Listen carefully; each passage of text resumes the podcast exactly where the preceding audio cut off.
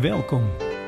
Welkom bij de podcast Plevierende Powervrouwen, editie De Mannen. Het doel is jouw leiderschap te ontwikkelen door inspirerende leiders in beeld te brengen. Leiders die het verschil maken met hun verhalen, hun visies. En zo helpen ze ook jouw leiderschap te ontwikkelen. En vandaag zijn dit mijn gasten. It's the of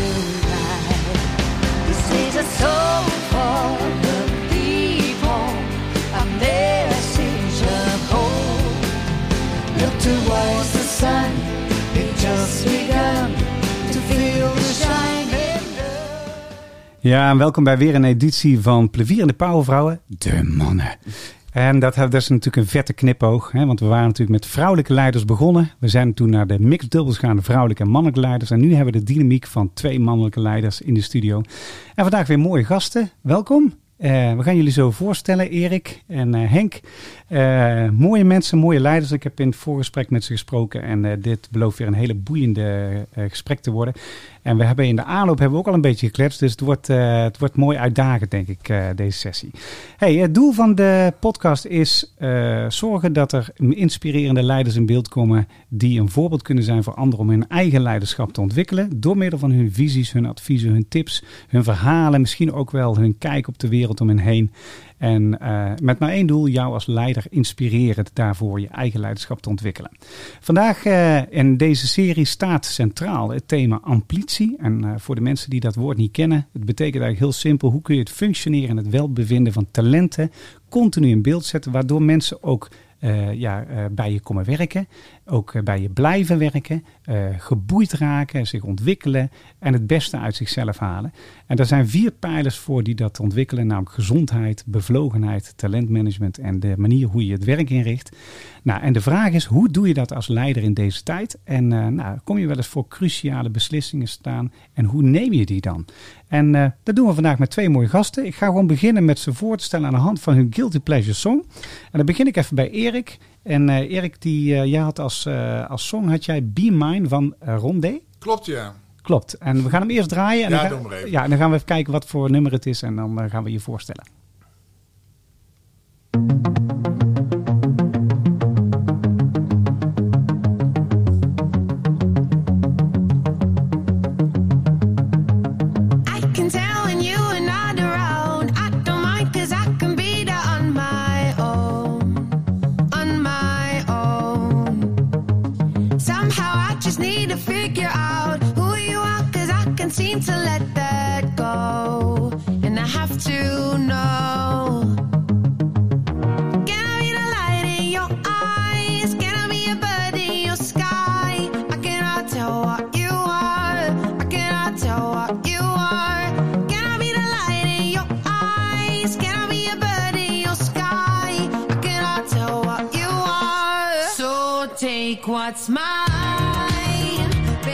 Een lekkere, lekkere beat. Dat bedoel ik. Ja, die komen we gelijk even binnen. Dat is misschien de reden waarom ik hem heb uitgekozen. Ja, zou kunnen. Ja. Vertel eens, wie ben je? En eh, eh, ja, misschien wel deze song. Wa- Waarom deze song? En eh, wat doe je precies? Ja, precies. Nou, laat ik beginnen. Ik- Erik Otto. Ik ben CEO van Facilicom Groep. Eh, eh, een Nederlands familiebedrijf eh, in eh, facilitaire dienstverlening. eh, schoonmaak, eh, eh, catering, eh, beveiliging, eh, bouw en constructie. En ook in zorg en welzijn in het sociaal domein. Een groot bedrijf met 26.000 mensen. Hoofdkantoor in Schiedam. Nederland en België zijn de landen die we, die we bedienen. En ik heb dit nummer meegenomen. Ja, jij vroeg mij, doe eh, een Guilty Pleasure song. Ja, ik, ik heb niet echt eh, nummers van vroeger of zoiets. Of eh, vanuit mijn jeugd. Of eh, ik eh, heb gekeken in de lijst die, die ik op dat moment het meest luisterde. En deze stond bovenaan. Ja, Dus ik vind het gewoon een lekker nummer. Het is een leuke Nederlandse band. Goede zangeres. Eh, vandaar. ja en energiek. hè? En Nederlands? Nederlandse. Nederland, zeker. hartstikke leuk. Hey, jij, ik hoorde net bij, de, bij het voorgesprekje, dat wist ik nog niet, dat jouw familie komt hier uit Eindhoven. Ik ben geboren in Eindhoven. Niet getogen, maar wel geboren Ja. uit een Philips gezin. Een Philips gezin, dat zei je, ja. Ja. Ja, en hoe heeft dat impact gehad op, eh, op wie je bent geworden of hoe je tegen dingen aankijkt? Nou, dat weet ik. ik ben wel opgegroeid met, met Philips. dus alle apparatuur was van Philips. Ja. Eh, ik ben ondersteund door het Philips van de Wilgenfonds. Want vroeger was er nog een fonds eh, voor studenten. Ja, vanuit de, de Philips onderneming. Eh, maar ik, ja, en ik ben PSV-aanhanger. Altijd, Ja. altijd gebleven. ja. En een PSV-aanhanger die verhuisd is naar de Achterhoek. Ja, zeker. Ja, mooi. En bevalt het? Ja, bevalt heel goed. Ja. Rust en ruimte daar. Rust en ruimte. Hey, en jij bent sinds een paar maanden ben jij CEO bij. Eh, een heel groot bedrijf. Ja. Veel mensen. Wat, is je, wat is je belangrijkste job die je moet vervullen? Eh, De belangrijkste job. Nou, uiteindelijk eh, gaat het natuurlijk om eh, dat je de allerbeste mensen gaat verzamelen. Of ja, die zijn al verzameld in dat bedrijf. Goede mensen verzamelen, goede teams bouwen, een goed plan maken in je bedrijf en zorgen voor helder executie. Ja, Maar plannen op papier, dat zijn natuurlijk op papier. Ja. Het gaat natuurlijk om de praktijk. En, en bij Facilicom groepen en bedrijven waar, waarbij het voornamelijk draait om de mensen. Want onze dienstverlening zijn de mensen. Hè. We hebben geen fysieke producten, behalve ons bouwbedrijf. De rest van onze ondernemingen zijn, zijn de mensen, zijn de dienst. Ja, Dus het gaat er voornamelijk om eh, dat we in staat zijn om onze 26.000 mensen zo goed mogelijk hun werk te laten verrichten. ja, ja. En, En- dat is gaaf, want het is een, echt een, een mensenbedrijf. Ja, mensenbedrijf. Ja, en dat was ook het, het verschil met wat je eerder hebt gedaan. Hè? Dit was echt dienstverlenend mens, echt met mensen. Ja, en klopt. eh, voorheen deed je iets meer de Meer industrie. industrie. Ja. Klopt. En wat is het grote verschil daartussen? Wat merk je? Nou, echt een verschil. Kijk, het leiden van het bedrijf zit natuurlijk veel eh, gemeenschappelijke eh leidraden in. Eh, maar het verschil is natuurlijk wel dat dit, eh, dat dit echt over de mens gaat. Dus de mens maakt echt het verschil. Ja, Eh, dus we zetten alles in op de mens, want meer dan dat is er niet. ja, En dat is wel heel gaaf. Dus dat is wel een hele gaaf verandering in mijn loopbaan. ja. Hey, en eh, je hebt een eh, collega hier naast je zitten, collega CEO, en van een, ook een heel gaaf bedrijf. Ja, en ook een dienstverlener ook. En Dus, ook een dienstverlener. En ehm, ja, jullie hebben, hebben jullie allebei eh, als, als overeenkomst, want dan gaan we daar even ontdekken. eh, COVID heeft eh, aan beide kanten iets gedaan. Ik denk, ik kan me voorstellen bij jullie dat dat impact had op jullie bedrijfsvoering, of niet? Ja, op sommige bedrijven, en sommige bedrijven he- hebben het ook heel goed gedaan in coronatijd. De meeste bedrijven hebben het heel goed gedaan. Maar bijvoorbeeld de bedrijven op Schiphol, eh, toen er weinig gevlogen werd. eh, maar ook onze bedrijfshoreca, ja, geen kantoor, eh, geen eh, bedrijfshoreca, daar hebben we natuurlijk wel geleden. Ja, en DHL, eh, hebben jullie eh, extreem meer moeten deliveren, zeg maar? Ja, zeker. Ja. Ehm, de- maar dat, dat, was natuurlijk heel erg dubbelzinnig, want er zijn natuurlijk in Nederland een aantal DHL'en. Eh, het is allemaal hetzelfde moederbedrijf, Deutsche Post groep. Ja. Maar in Nederland splitst zich dat uit in vijf verschillende vormen van DHL die men ziet.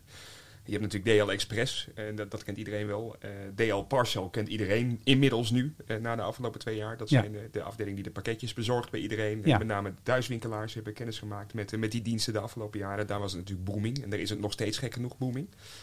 Ehm, ik ben dan zelf eh, de, de blije leider van Global Forwarding. Dat is de expeditietak. Dus wij zitten iets meer in de business to business. Ja. Alleen daar zag je natuurlijk ook een, een, een eerst een, een enorme stilte eh, toen China stilviel in, het- in begin COVID, februari. En, en daar heb je twee, drie maanden gehad waarvan we dachten, ja, wat gaat hier nou gebeuren? Want het valt compleet stil en dood. En wat gaan we nou doen? Ja. Eh, want je kijkt naar zulke rode cijfers, die, die, je hebt ze niet roder gezien dan dat. Ja, Ehm, alleen dan, dan draait dat ineens om, want eh, ja, je kunt niet eeuwig stilstaan. Ik denk dat we dat wel ontdekt hebben. Je moet, je moet weer wat. Nou, ja, Je moet dat bewegen. heeft ge- geresulteerd in een house van eigenlijk allemaal golven. Eh, eerst kwamen de laptops. Nou, natuurlijk kwamen de hulpgoederen, dus de PPE's, eh, de, de mondkapjes en dergelijke. Maar de laptops kwamen er meteen achteraan, want die waren bijna net zo vitaal als, als een mondkapje.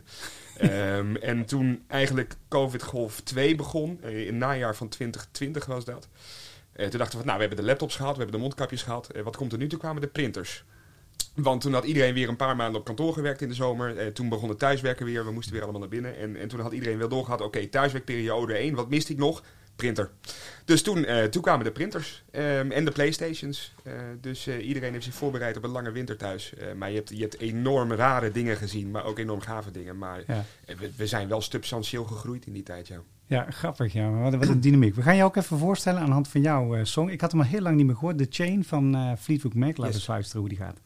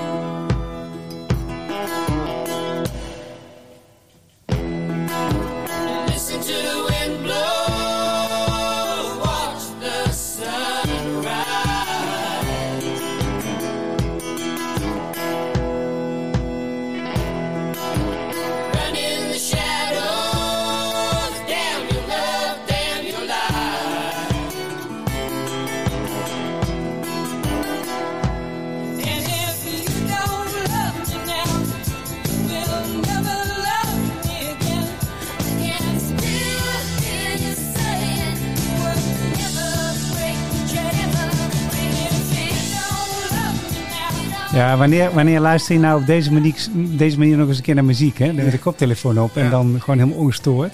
Ik heb nooit gerealiseerd dat dit eigenlijk een hele goede hardrock song is eigenlijk. Eh, er, zit, er zit zo'n vibe en die kun je zo ombouwen naar een hele te gekke hardrock song. Ja, en iets Aziatisch. eh, zit er ook in, ja. Ook in. Maar het, het- Gitaartje? Ja, Ja, de met- het is- gitaartje, ja. Het is een nummer uit 1977. Ik was toen min 5. Eh, dus ik, ik, kan het niet, ik kan het niet kennen uit de top 40 waar je vroeger met bandjes opnam. Maar ehm, weet dat, ik, ik, ehm, ik ben een enorme muziekliefhebber, maar niet van iets bijzonders. Eh, Nee. ik, vind, ik vind alles leuk. Eh, Ja. En dat gaat van Armin van Buren tot, tot dit. En in zelfs klassieke muziek kan ik met een goede kater wel hebben. Maar ehm, eh, dit nummer is, is, is van Fleetwood Mac. En, en Fleetwood Mac, nou, iedereen kent het verhaal wel. Een beetje gelijk met ABBA ook wel. Natuurlijk allemaal huwelijken onderling. Allemaal ellende die eruit voortkwam ook. ja. En dit is het, het nummer van het album Rumors. En Rumors was eigenlijk gemaakt eh, ehm, eh, terwijl ze allemaal al ellende met elkaar hadden. Het was al mi- miserie, eh, Stevie Nicks en, en, en ellende in huwelijken. En alleen dit is het enige nummer van Fleetwood Mac wat geschreven is door de hele band. Dus alle andere nummers die zijn geschreven door mensen afzonderlijk. Met name ook Stevie Nicks natuurlijk zelf die heel veel deed. Maar dit is, nummer is geschreven door de hele band. Terwijl ze alle ellende hadden met elkaar. En het is gewoon eh, een, van de beste van, van Fleetwood Mac. Ja, en heel hij vaak, zit natuurlijk in Guardians of the Galaxy en dat is mijn favoriete film. Ja, oh, Guardians of the Ja, Galaxy. ja, Oh, ja, wacht, nou, dan, dan, dan, dan Ja, doe ik daar kunnen we box doen. Ja, dat is echt, eh, dat is mijn genre wel. Ik spaarde vroeger Marvel Comics. Ik heb er meer dan 4000 Ja. eh, heb ik ervan. Van nummer 1 tot heel, eh, heel laat. Ja. En die boekjes zijn nou heel veel geld waard. Had ik begrepen. Ja. Zit allemaal in dozen, in Ja, wat doe je silifaantjes. nog, joh? Wat doe ik hier Ja. nog? Ja, nee, maar dat is te gek, joh. En wat heel leuk is bij Marvel, wordt, worden al die films worden herfilmd, maar precies zoals het boekje gaat. Dat is echt te gek. Dus ik weet al wat eraan gaat komen. Weet je, dat is echt helemaal te gek. Het laatste comicboek die ik gelezen heb is denk ik Suske en Wiske geweest. Oh, ja. Toen ik, toen ik, ik ben niet van de stripboeken, maar Nee. ik vind de Guardians of the Galaxy, maar dat komt ook door de soundtracks die erbij horen. Maar gewoon het hele element van humor en actie, ik, ik hou van die films. Ik Ja. ben echt dol op. Hey, ik heb jullie, eh, eh, dankjewel. Ik, heb- ik heb jullie ehm, eh, bij elkaar gezet omdat in vibe jullie een beetje dezelfde vibe hebben. En nou wil ik even kijken of dat, of dat klopt, zeg maar. Want eh, eh, ik proefde dat een beetje, dus ik denk, ah, die, die zijn volgens mij super leuk bij elkaar. Als het niet klopt, zijn we na 12 minuten klaar. Ja, daar zijn we zo klaar. Ja, dat- maar daar heb ik een hele leuke werkvorm. Dat is namelijk deze. De De overeenkomstenrace. Jullie kennen elkaar niet. Nou, althans, net een kort gesprekje gedaan. Maar eh, de overeenkomstenrace gaat als volgt. Ik eh, laat jullie eh, drie minuutjes brainstormen. Twee, drie minuutjes. om zoveel mogelijk overeenkomsten te vinden die jullie denken dat jullie met elkaar hebben. En dat doe je een beetje intuïtief, maar misschien ook wel een beetje op wat we al eerder een beetje hebben gevoeld of gehoord, zeg maar. En eh, ik roep iets en ehm, eh, jullie vullen, eh, en dat is het startpunt. En dan mogen jullie het aanvullen met wat jullie daar als verlengde van zien. Mocht de ander nou iets noemen wat niet waar is, dan mag je dat compenseren. Maar je zegt, nou, dat, dat is niet zo. Ik ben nou meer zo. En dan leren we jullie ook kennen als leider. Maar het eerste is namelijk, is dat jullie allebei, zijn jullie energiek praktisch. Ja. Ja, dat denk ik ook wel. Ja. Ja, energiek, maar het moet wel echt tot iets leiden. Ja. En een beetje concreet blijven. Eh, We zaten allebei elkaar na te bij elkaar te kijken toen de jingle begon, toen de uitzending begon.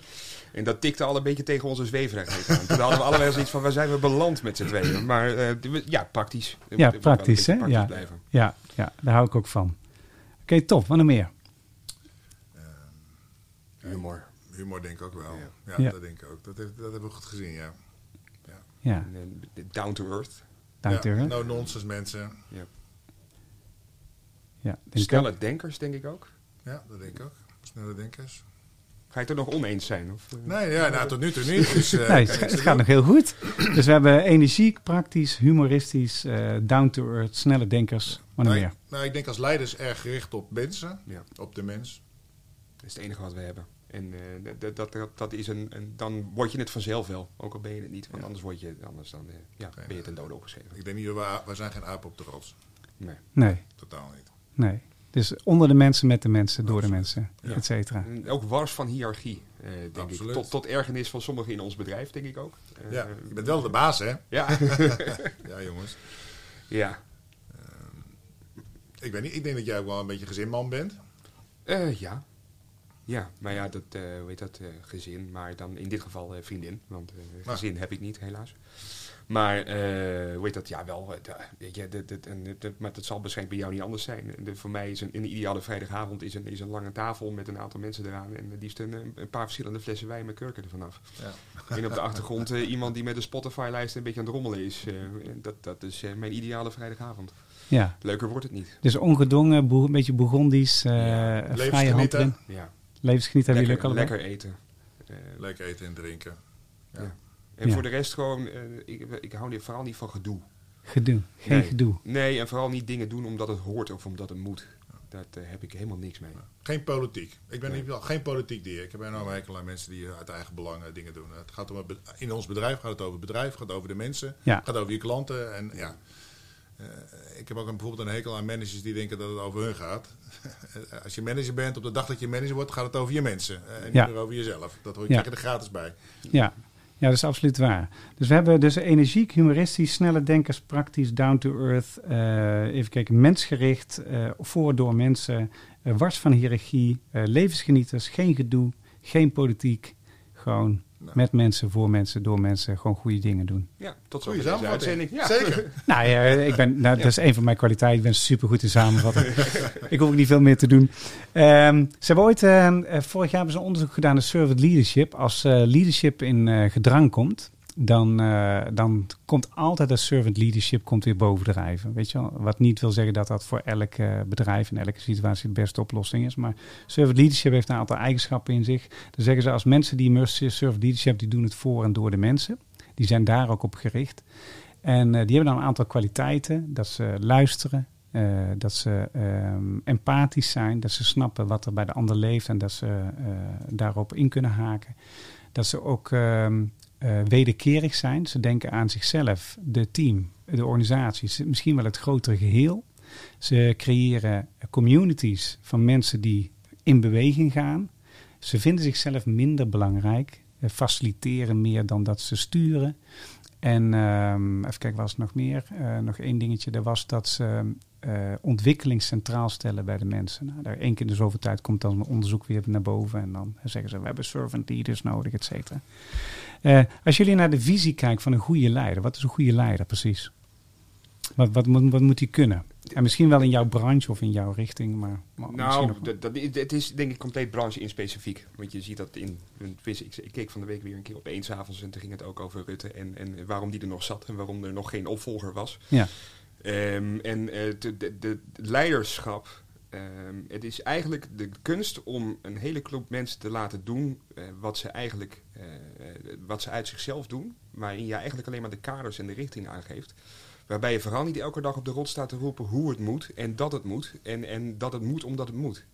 Het is eigenlijk gewoon de kunst om, om een richting aan te geven en tegelijkertijd heel veel vrijheid te geven aan mensen en de grote lijnen in de gaten te houden. En, en dat puur eh, op je authentieke zelf te doen in plaats van te roepen dat het moet omdat jij de baas bent. Ja, en dat is wel mooi, want eh, een van de uitkomsten was ook van servant leadership van de laatste onderzoek, is dat eh, eh, leiders zichzelf meer mogen leren kennen, authentiek mogen neerzetten en ook kwetsbaar mogen zijn, waardoor ze eigenlijk mensen stimuleren om dat ook te doen, waarbij, waardoor je eigenlijk de beste organisaties krijgt. Ja, en met name, dat is, maar dat zal bij jou niet anders zijn. Weet je, ik, ik, ik weet ook wel, toen ik net begon met werken, dan ben je ontzettend bang dat als je een keer een fout maakt, dat je dan ontslagen wordt. Ja, En ik heb dat ook wel zien in de gesprekken intern. Dan zeg ik van ja, ken jij één iemand die in jouw loopbaan, kijk, tenzij je 30 miljoen uit de kas hebt gehaald, eh, dan is het wel einde verhaal. Maar ja, Ja. Dan, dan maakt het niet uit meer dat je ontslagen wordt. Maar en nu kun je ook geen Eh, foutje meer noemen. Dat, dat is ook geen foutje meer. Maar als iemand gewoon een fout maakt, ik ken niemand die daardoor zijn baan heeft verloren Nee. in het bedrijf. Nee. En, en zeker niet als je gewoon je hand opsteekt en zegt van joh, ik heb het fout gedaan. En je kunt nog uitleggen waarom als bonus. Dus die, die, die, je kunt ook gewoon, je, je moet ook altijd toestaan dat er fouten gemaakt worden, want ik ken geen perfecte mensen. Nee, en dat is misschien ook wat er misgaat nou in de politiek. Hè, dat mensen elkaar af eh, aan het schieten zijn. En iemand kan niet meer zeggen, joh, dat heb ik inderdaad fout gedaan. Dat was niet de bedoeling, maar de tijdscontext was namelijk zo. En ik zie het nu anders. En dat mensen zeggen, oké, nou laten we gewoon kijken hoe we dat fixen dan. Ja, dan Nee, de, de, de, manier waarop, eh, nou, het is niet zo dat ik vaak tv kijk naar de Tweede Kamer, maar eh, als je nu kijkt de manier waarop mensen daar met elkaar omgaan, de Kamerleden en de politiek, kijk, dat straalt niet uit. Want het leiderschap begint bij wij. Ja, Er is een zeker. gezamenlijk belang en iedereen heeft daar een bepaalde rol in te spelen. Ja, Maar dat straalt de Tweede Kamer natuurlijk niet uit, het wij-gevoel. nee. Het is eh, ook dramatisch laag nou. Hè. 37% heeft nog vertrouwen in de politiek. Ja. Ja, maar ik denk dat het inmiddels zo laag is dat eh, toen toen ik gewoon jonger was, keek ik ook wel naar. En dan denk je op een gegeven moment van, dat lijkt mij, als je minister bent of wat dan ook, dan heb je het wel gemaakt. En ik denk dat inmiddels, eh, nu ik wat ouder ben en ik ken inmiddels even wat- medestanders in deze rollen, dan, als ik dan een beetje onder, onderling peil, heeft er nou niemand echt bepaald echt veel honger om ook die kant op te gaan.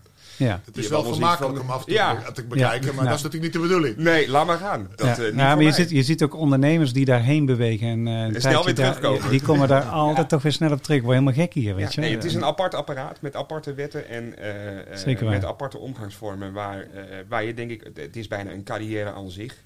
Eh, Het, het heeft niets meer te maken met in die zin of je nou de baas bent van het land of niet. Dat is waar. Hey, we gaan eens even naar, eh, eh, want we gaan een beetje switchen in de werkvorm. Want ik, eh, ik weet wat ik moet doen.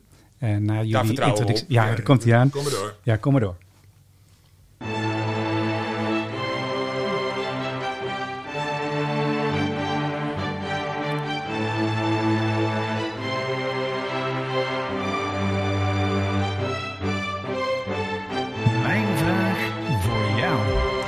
Mijn vraag voor jou.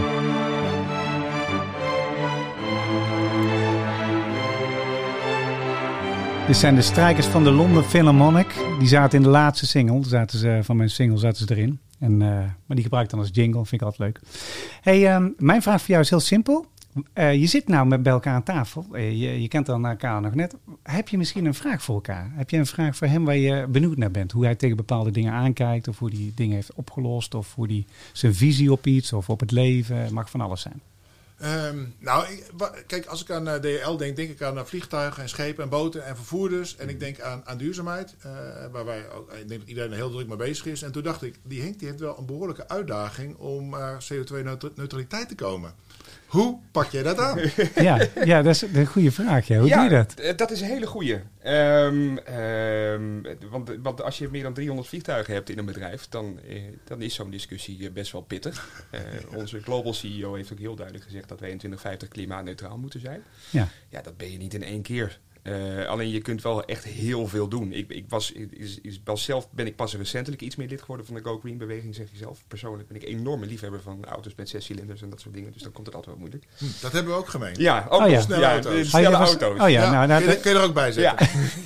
Alleen, ehm, eh, de uitdaging is groot, maar we, we zijn bijvoorbeeld nu een nieuw pand aan het bouwen, een nieuwe hubs aan het bouwen op Schiphol. En die wordt gewoon klimaatpositief. Eh, dus dat betekent dat wij meer energie gaan terugleveren aan, eh, aan het net dan dat wij gaan afnemen. Ehm, en dat is al een voorbeeld. Eh, je kunt heel veel doen met elektrificatie. Eh, dus eh, aan- en afleveringen op Schiphol. DL Parcel doet het heel veel ook met elektrische en met, met die fietskarretjes. Maar je ziet ook bij ons dat je met, met een paar hele simpele dingen, eh, zonnepanelen op je warehouses, et cetera, kun je al heel veel bereiken. Leaseauto's, eh, onder druk van mijn HR-directeur zeg ik erbij, dat wordt ook allemaal hybride en elektrisch. Eh, maar je blijft wel met die vliegtuigen zitten en met die schepen. Nou, en met die schepen doen wij het inmiddels zo, dat, dat offsetten wij. Dus in ons aanbod is gewoon standaard dat als je bij onze deelladingen boekt op LCL, dat wordt dat geoffset. Eh, FCL, dus volle containerlading, gaan we er ook heen. Eh Airfreight, eh, daar, daar heb je een aantal initiatieven voor met Sustainable Fuel. Eh, dus dan kun je eh, een aantal allocaties inkopen met die Sustainable Fuel. Ja, het, het zijn nog wel kinderstapjes. Eh, Dat vliegtuig is wel een uitdaging, denk ik. Dan moet je wel uiteindelijk naar brandstof toe, die uiteindelijk... eh, Ja. En het hele praktische met een vliegtuig is natuurlijk, als jij een vliegtuig vliegt van Amsterdam naar Shanghai, eh, voor elke kilo vracht die je meeneemt, gaat een kilo brandstof mee. Ehm, En ehm, eh, d- dat, weet je, een 747 vol tanken is 100.000 liter kerosine. Ehm, en dat vervang je niet met accu's, want die accu's hebben ook gewicht. En dus moet je heel veel energie gaan meenemen om die accu's te vliegen. Dus dat is, dat is niet praktisch. Ehm, alleen die, die uitdaging is groot, maar als ik zie dat alle doelstellingen die wij tot nu toe hebben gehad in, in de groep, die hebben wij tot nu toe altijd een aantal jaren eerder gehaald dan de doelstelling was. Ehm, dus we komen daar meestal altijd wel, eh, wel doorheen. En hoe komt dat? Wat, wat, veroorzaakt dat? Eh, Heeft iemand dan, is er iemand dan een heel erg kartrek of hebben jullie een doelmentaliteit van... Onze, onze groep? CEO is een kartrekker. Eh, de- de- die is daar echt een kartrekker in. En, en die, die stelt ook geen. die, die maakt het heel onconditioneel. Dus die maakt er geen discussies over. Die zegt gewoon, en die kant gaan we op. Ehm, wat ik steeds meer merk is dat onze mensen zelf de kartrekker worden. Ja. Ehm, en dat is met name de generatie die jonger is dan, eh, de- dus de generatie die nu 25, 30 is. Die hebben hele andere, eh, andere beelden bij een werkgever dan, dan ik vroeger had. Ja, en waar, waar Ehm, zitten die verschillen? Kun je, kun je dat vertellen? Eh, de, de- eh, diversiteit. Vinden zij heel belangrijk. Maar bijvoorbeeld ook groene initiatieven. Eh, zij willen werken bij een club waar ze zich mee kunnen verbinden. Ja, Nou ja, die generatie is ontzettend veel bezig met duurzaamheid. Eh, en, en met eh, autobezit is daar iets heel anders dan, dan wat ik daar bijvoorbeeld persoonlijk van vind. ja, maar die, die autobezit is daar geen must. Ehm, en, en als het dan moet, dan moet het wel een hybride zijn. de, Ja. de Prius-generatie, zeg maar. En eh, dus je ziet dat vanuit de mensen zelf ook steeds meer initiatieven komen, omdat ze er zelf ook actief willen bijdragen. Ik heb iemand die bij ons werkt, eh, die, die, die eh, ook actief in de vereniging Fossielvrij actief is. Dat is natuurlijk heel raar. Je werkt bij, een, bij iemand die luchtvracht doet, ja, maar je bent ook een van de, van de bestuursleden van de stichting Fossielvrij. En, Ja. en dat kan ook bij ons. ja. Dus dat, dat zegt ook dat er heel veel in de mensen zelf zit. Ja, dat is wel heel mooi. Ja. Ja. Ah, dankjewel, joh. Goed, mooi, mooi hoe, de, hoe dat werkt. Hey, en heb jij een vraag voor Erik? Ja, jij bent verhuisd naar de Achterhoek. Dat vertelde je in het vorige Ja. gesprek. Eh, ik kom zelf van het platteland. Eh, wat was daarvoor de beslissing? Eh, wat, wat dreef dat? Ja, nou, dat is een, een, een, een, privébeslissing. Ja. Want mijn beide dochters zitten in de paardensport. Ja. En mijn oudste dochter die, wil graag een paardenbedrijf beginnen. Een springstal. En daarvoor heb je nodig weiland. Eh, en, en stallen en ruimte. Eh, Ja. En dan kom je in de paardensport al snel uit in Brabant of in, eh, of in de Achterhoek. Nou ben ik natuurlijk geboren in, in Brabant. Want ik zit hier in Eindhoven in mijn geboorteplaats. Maar mijn vrouw die komt meer uit het oosten van het land. En nou ja, de keuze is uiteindelijk op de Achterhoek gevallen. Met veel plezier. Hoe de mensen daar met elkaar omgaan. Het leven gaat daar een tandje in een lagere versnelling lijkt het wel. Aandacht voor elkaar, aandacht voor de mensen. We wonen in zo'n buurtschap waar, echt, eh, waar we met alle warmte en, eh, eh, zijn ontvangen. Dus het voelt heel goed. Ja. Ja. En, en, en pik je daar dan ook iets uit op? hè? Ik heb overigens ooit ge- gelezen dat leiders die dochters hebben, eh 25 tot 30 procent, gaat niet om dat getal, maar die zijn 25, 30 procent makkelijker te porren voor inclusie en diversiteit. Dat, Schijnt, schijnt zo te zijn. dat, dat, Maar- dat, dat cadeautje neem ik dan gratis mee voor mijn dochters. Ja. Dat zou Hey, mooi zijn. Maar hoe het, eh, want, want daar zat ik niet aan te denken. Ik moest in één keer in, aan, aan dat feitje denken. Maar de, eh, heeft dat ook nog iets gedaan met je, je wijze van werken? Of je wijze van hoe je... Want, want dat tandje terug en dat rustiger. En heeft dat ook nog invloed hoe je kijkt tegen werk aan en tegen... eh, Nou, Je nieuwe job? nou, ik, woonde, ik woonde eerst in de Randstad, maar ook in de boerderij. Ik, ik, maar dat is persoonlijke voorkeur natuurlijk. Ik heb een heel druk leven, ik heb een heel hectisch leven. Ik leid een fantastisch mooi groot bedrijf. Daar ben ik echt dag en nacht mee bezig. ja, Maar je kunt natuurlijk niet altijd aanstaan. Dus dat betekent dat als je s'avonds thuis komt en je komt bij een boerderij... en wij hebben paarden en dieren en schapen en kippen... dan komt er ook een soort rust over je heen. ja, Dus het is mooi als je dat drukke bedrijfsleven kunt combineren... met een privéleven waar wat, wat, wat rust en ruimte is. ja, ja, dat kan ik voorstellen, ja. ja en dan, dan komt het in balans. eh. en, Precies. hoe, en, hoe, en hoe is dat bij jou, eh, afgezien van de Bourgondisch zijn en... eh, Ja, ik woon in de binnenstad van Haarlem. Oh, binnenkant. Oké, oké. ja, ik kom van het platteland, ik kom van, van Noord-Groningen. Ik woon Ja. in de binnenstad van Haarlem. Maar eh, ik heb het geluk, mijn vriendin die, die werkt op Goeree over Vlakke in het ziekenhuis. Oh, ja. en, en daar gebeurt eh, heel weinig. Ja, Dus eh, vaak met de weekenddiensten, dan sluit ik daar aan en dan neem ik de racefiets mee. En dan, eh, dan ben ik lekker op platteland. Dus wij, eh, we zijn er ook nu een, tweede huis aan het bouwen daar, om het wat praktischer te laten zijn. Ah. Maar, dus ik heb, de, ik heb de mix en die vind ik heerlijk. Want het is inderdaad, je, je- weet je, als je thuis komt na een lange dag en je hebt tien dingen gedaan, dan wil je soms echt niet liever dan gewoon deuren dicht, muziekje aan en Ja. gewoon rust. Even opladen, Ja. heel mooi. Oké, we gaan nog een beetje, eh, klein beetje eh, meer verdiepen op jullie. En dan gaan we eens even kijken naar, de, naar de, beetje de, ja, jullie visie als leider. Dat is namelijk met deze eh, oefening. That's alright. I'm gonna take you higher. That's alright. I'm gonna take you higher. Your story.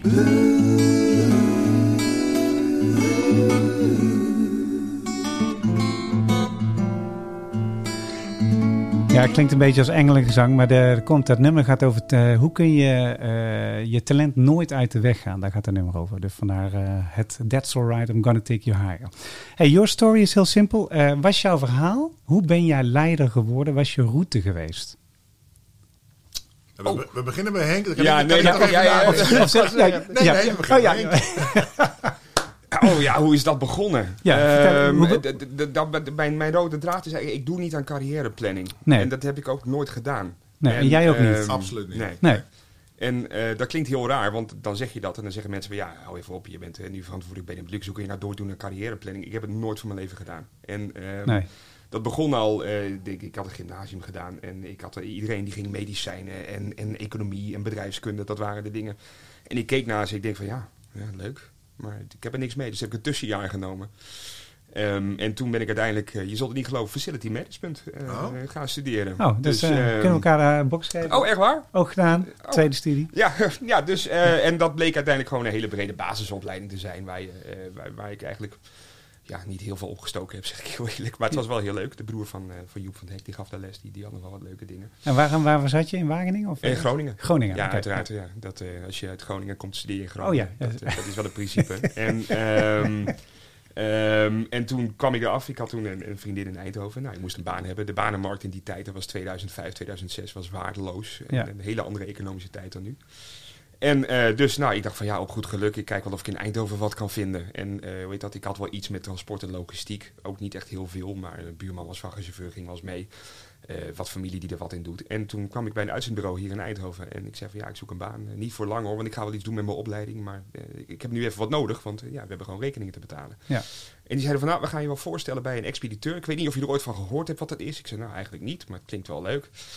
Ehm, en toen, toen ben ik gaan, gaan werken bij Excel in Eindhoven op de luchthaven. En ik weet nog goed dat mijn, de, de, de, station manager daar, die zei tegen mij van, nou, wat kom je hier doen? Dus ik zei van, nou, heel keurig, motiverend uitgelegd dat, dat ik er kwam om iets te zoeken om de rekeningen te betalen. En die zei van, ja, onthoud wel goed, als je dit leuk vindt, dan, eh, dan werk je over tien jaar nog in deze industrie. En toen zei ik letterlijk, nou, maak je geen zorgen, dat zal niet gebeuren. Ehm, en... eh, Dus dat begon en uiteraard, eh, dat ging meteen in een vast contract na een jaar. Want uiteraard zat ik er ook nog wel gewoon. Want ik vond het wel leuk, die dynamiek en die hectiek. En de luchtvaart is ook nog wel stoer met vliegtuigen en dat soort dingen. En, ehm, en alleen op een gegeven moment eh, is, het niet zozeer, is het niet zozeer ambitie of wat dan ook. Maar dan denk ik van, nou, ik heb het nu onder de knie. En dan word ik een beetje onrustig. En dan eh, denk ik van, nou, wat is nog meer? Dus dan heeft er iemand een extra project. En denk ik, nou, geef maar hier. Dan, weet je, dan heb ik ook wat vermaak. Want dat is voor mij dan gewoon vermaak. Ja. En eh, dan kom je gaandeweg zo door wat dingen heen. Nou, het bedrijf wordt overgenomen, ben ergens anders gaan werken. Kon ik ook weer wat opbouwen, wat, wat groter is, wat strategischer. Het kwam er een aswolcrisis in eh, de luchtvaart. Nou, dat, ik, ik zie vaak crisis toch wel als een opportuniteit. Eh, want ja, iedereen gaat er bij de pakken neerzitten. En ik denk dan van ja, je, je kunt er ook wat leuks van maken. Dus toen hebben we eigenlijk ontzettend veel kunnen ontplooien. Heel veel eigen capaciteit ingezet. En, en daar val je op een gegeven moment een beetje op. En dan denk je van ja, oh, die jongen die is wel leuk bezig. En dan, dan heb je iemand die een keer in je gelooft. En dat was in dit geval een mentor voor wie ik best wel lang gewerkt heb. Eh, die is nog steeds in de industrie aanwezig. En die zei van, joh, ga maar bij mij mee op reis. En die werd op een gegeven moment baas van de regio. En die heeft mij meegenomen. Eh, die ging toen zelf weg. En toen hebben, zij mij, hebben ze mij zijn functie gegeven. Dus Ja. toen was ik ineens op het eind van die rit, na zeven jaar, was ik regionaal verantwoordelijk voor de luchtvaart. En eh, ja, dan rol je langzaam aan de leiding geven. Toen, toen ben ik naar DHL gegaan later. Want hij werkte daar, hij ging daar weg. En toen kreeg ik weer zijn functie, dus voor de tweede keer. En eh, toen op een gegeven moment zat ik bij DHL in een wereldwijde rol. En eh, ontzettend veel gevlogen, de hele wereld gezien. Eh, ook een paar keer op het punt gestaan om naar het buitenland te verhuizen. Nooit gedaan, omdat ik altijd toch wel Nederland Ja. wel fijn vond. En Ja. comfortabel en lekker. Nederland is een fantastisch land. Als je veel in het buitenland bent, heb je niet door hoe geweldig het is om in Nederland te wonen en Nederlander te zijn. Ja. Dat ga je echt waarderen als je veel in het buitenland bent. En toen, eh, op een gegeven moment, toen, toen was ik het reizen wel een beetje beu. eh, van jetlag naar jetlag. En eh, ik had toevallig een, ik was in Bonn op het hoofdkantoor. En ik, ik zat een beetje met mijn ziel onder de arm rond te lopen. En toen was de, de, de regionale baas van Europa, die vroeg mij, hoe gaat het met je? Ik zei, ja, ik zit niet zo lekker. Ik, ik, ik ben er wel een beetje klaar mee met dit. Hij zei, nou, dat is mooi dat je het zegt, want eh, eh, ik heb wel wat voor je in Nederland. Ik zeg, wat dan? Ja, er zijn er wel wat dingen die daar moeten gebeuren. Toen zei ik van, nou, praat me bij. Ik ging toen net op vakantie. Nou, ik kwam terug en toen was ik ineens eh, in Nederland. Ah, ja. Want dat leek me wel leuk. En dan ga je natuurlijk pas echt leiding geven. Voorheen heb je voor het, heel veel functionele rollen gehad. Dus je hebt wel een team gehad van vier, vijf man. Alleen vier, vijf man aansturen in een functioneel team is iets heel anders dan een land aansturen met, met 500 mensen in dit geval. En nu Ja. in de Benelux 1100 mensen. Want eh, je, je, je, moet je verdomd goed bewust zijn van het feit dat iedereen wel elke dag naar jou kijkt. Eh, Ja. en niet in de zin van, eh, hier is de grote leider en, en wat zal die toch weer doen. Maar wel naar het voorbeeld wat jij elke dag zet. Ja. Dus er zit een wereldgroot verschil. Dat merkte ik in de eerste weken. Of ik met, met een glimlach door de gang heen liep. Of met een, met een, met een wat boze blik. Ja. Eh, want ik ben heel expressief. Dus als ik dan een dag gewoon echt druk was. En het was gewoon even te veel. En ik had even geen zin in gedoe. Dan liep ik met zo'n bak door de gang heen. Nou, dan hoorde je 15 minuten later hoorde je al van... Nou, Henk is boos. En wat zal er aan de hand zijn in het bouw? Oh ja. En dat heb je natuurlijk niet als je gewoon in een functionele rol zit. Of gewoon een beetje eh, met projecten bezig bent. Dus je, je bent je heel snel bewust van... eh, van ja, de mensen kijken wel. Maar tegelijkertijd, als je dan een, een tijdje bezig bent, ga je er ook aan hechten. En, en eh, ja, dan kom je nu op het plek waar je zit. Dus ook iemand die nu aan mij vraagt van, ja, wil je nog wat anders? Nee, echt niet. Ja. Het is, het is, het is magisch leuk om met je eigen club eh, gave dingen te doen, echt iets te bouwen. Nou, wat jij ook zei in je introductie, planten maken, dat planten volgen. En met die mensen een steeds grotere eh, de, de draaikolk van plezier te hebben. Ja. En, en op een gegeven moment gaat het lopen en dan, ja, dan wordt je rol ook eigenlijk steeds makkelijker. Ja. Maar tegelijkertijd, ja, je hebt een, een ploeg mensen met wie je ontzettend veel lol hebt. En met wie je echt gewoon de wereld aan kan. Dus Ja, en ik, en wat ik ook in je verhalen hoor, is dat je, eh, je bent dus heel dicht bij jezelf gebleven. En je hebt een aantal, hè, dat is overigens altijd bij ontwikkeling van talent. Hè, dat, mensen denken, hoe ontwikkelen mensen talent? Eh daar heb je ook een beetje geluk voor nodig. Hè. Soms Ja. op het juiste moment precies de juiste mensen tegenkomen. Precies, hè, eh, dat ik heeft weet niet of dat geluk is hoor. Nou ja, het is, het is een, een deeltje is natuurlijk geluk, geluk. En een deeltje is natuurlijk omdat je er goed past. Of omdat, eh, ja, je bent er niet voor niks gekomen, laten we het zo zeggen. Je bent niet voor niks een, een uitzendbureau binnengelopen. Eh, je bent niet voor Nee, het is een hele reeks toevalligheden. En zeker Ja. als je het nu opsomt. Alleen, eh, ik denk niet zozeer dat het geluk is. Ik hoor andere mensen, ook heel veel talentvol in mijn organisatie, mensen dat zeggen van ja, mensen zijn toevallig gelukkig dat ik toen daar en daar was. Alleen, weet je, de kans is wel heel groot dat je er ook bent. Eh, Ja. Door wat je doet en eh, door, wat je, door wat je kunt. Ja. En dan zeggen mensen, ja, maar het hangt allemaal vanaf die enige on- toevallige ontmoeting met die klanten van jou. Nee, want je bent er al. Ja. Eh, je hebt jezelf al in die positie, positie Nee, maar daar, daar, ben ik het ook mee eens. Want het, Ja. is, tien, zeg maar, het is 10% geluk, 90% Ja. effort. Hè? Dus dat je je talent laat zien en dat je Ja. je ding doet en eh et cetera. Maar ook wat ik ook hoor in je verhaal is dat, eh, dat dicht bij jezelf blij- blijven is heel belangrijk. En eh, je hoort het ook in je route terug. Hè? Van dat praktische, down-to-earth, mensgerichte. eh, ook dat, dat er komt iets op mijn pad. Hè? eh, nou, weer- ik word een beetje weerbarstig. Ik pak er iets bij. Geef maar aan mij. Ja, en niet dan met een plan, maar gewoon omdat ja, je hebt zin in een nieuwe challenge. Ja, en dat go. kunnen mensen wel verwarren met ambitie ook. Van ja, kijk die streber nou, die pakt er weer een project bij. Laat hem lekker met zijn baan bezig zijn. Ja. dat is dan echt gewoon meer... ehm, het, het, het, klinkt zo de is verveling dan soms. Ja. Ik denk van ja, die repeterende dingen, die ken ik wel. Geef me iets eh, wat een Ja, beetje... maar dat is, ook, dat is ook kerntalent. Want dat is ook eh, trouw zijn naar jezelf. Hè? Ja. Dat, dat je dat herkent en dat je dat opzoekt. Dat is overigens bij de mensen die eh, exceptionele dingen doen in het leven. van klein tot heel groot. Dat is wat ik steeds terug hoor. Oh. Zeg, gewoon elke keer. Weet je, wel, maakt niet uit of het nou een muzikant is of een kunstenaar of een, of een CEO. Of, maakt niet uit. Dat is wat er, wat er gebeurt. Ze zijn trouw, ze volgen hun bevlogenheid. Toevallig zijn ze op het goede moment daar dat er iemand dus ook een zetje geeft. Bijvoorbeeld in, in de muziek heb je dat een beetje nodig. Hè? Eh, mijn ja, dat hebben we recent wel geleerd, ja. ja, ja, dat ook. Ja, maar mijn, mijn- bijvoorbeeld, een voorbeeldje noemen. In, eh, ik, eh, ik ben een paar keer op bootcamp geweest met eh Ralf van Manen en eh Desiree en Duncan Lawrence en eh, Marcel Sferes. Allemaal uit het team van mijn vriend Robin van Beek. En Marcel, dat is nou mijn vocal coach. Maar Ma- Marcel die had het moeilijk in, eh, in eh, COVID-tijd. Dus die kwam bij mij, kun je me helpen? Dus heb ik hem mentaal geholpen. En in ruil daarvoor ging hij mij helpen. Weet je wel, dat is, eh, hoe had helemaal niet hoeven, maar hij deed het wel. Maar door een eh, reeks van toevalligheden ontstaan er dan dingen. Weet je wel? Eh, want je zoekt op elkaar op, je gaat iets doen wat je leuk vindt. Je vindt elkaar ook leuk, je gaat wat dingen doen en daar komen dan dingen uit. En daar gaan mensen op aanhaken en zo groeit dat. En bij hem was de laatste keer, was ook toevallig, en dan kwam die, eh, eh, hij eh, werd gevraagd of hij een Nederlandse show wil maken. Hij ging met de zanger van Cadence een hele Nederlandse show maken met oude Hollandse hits.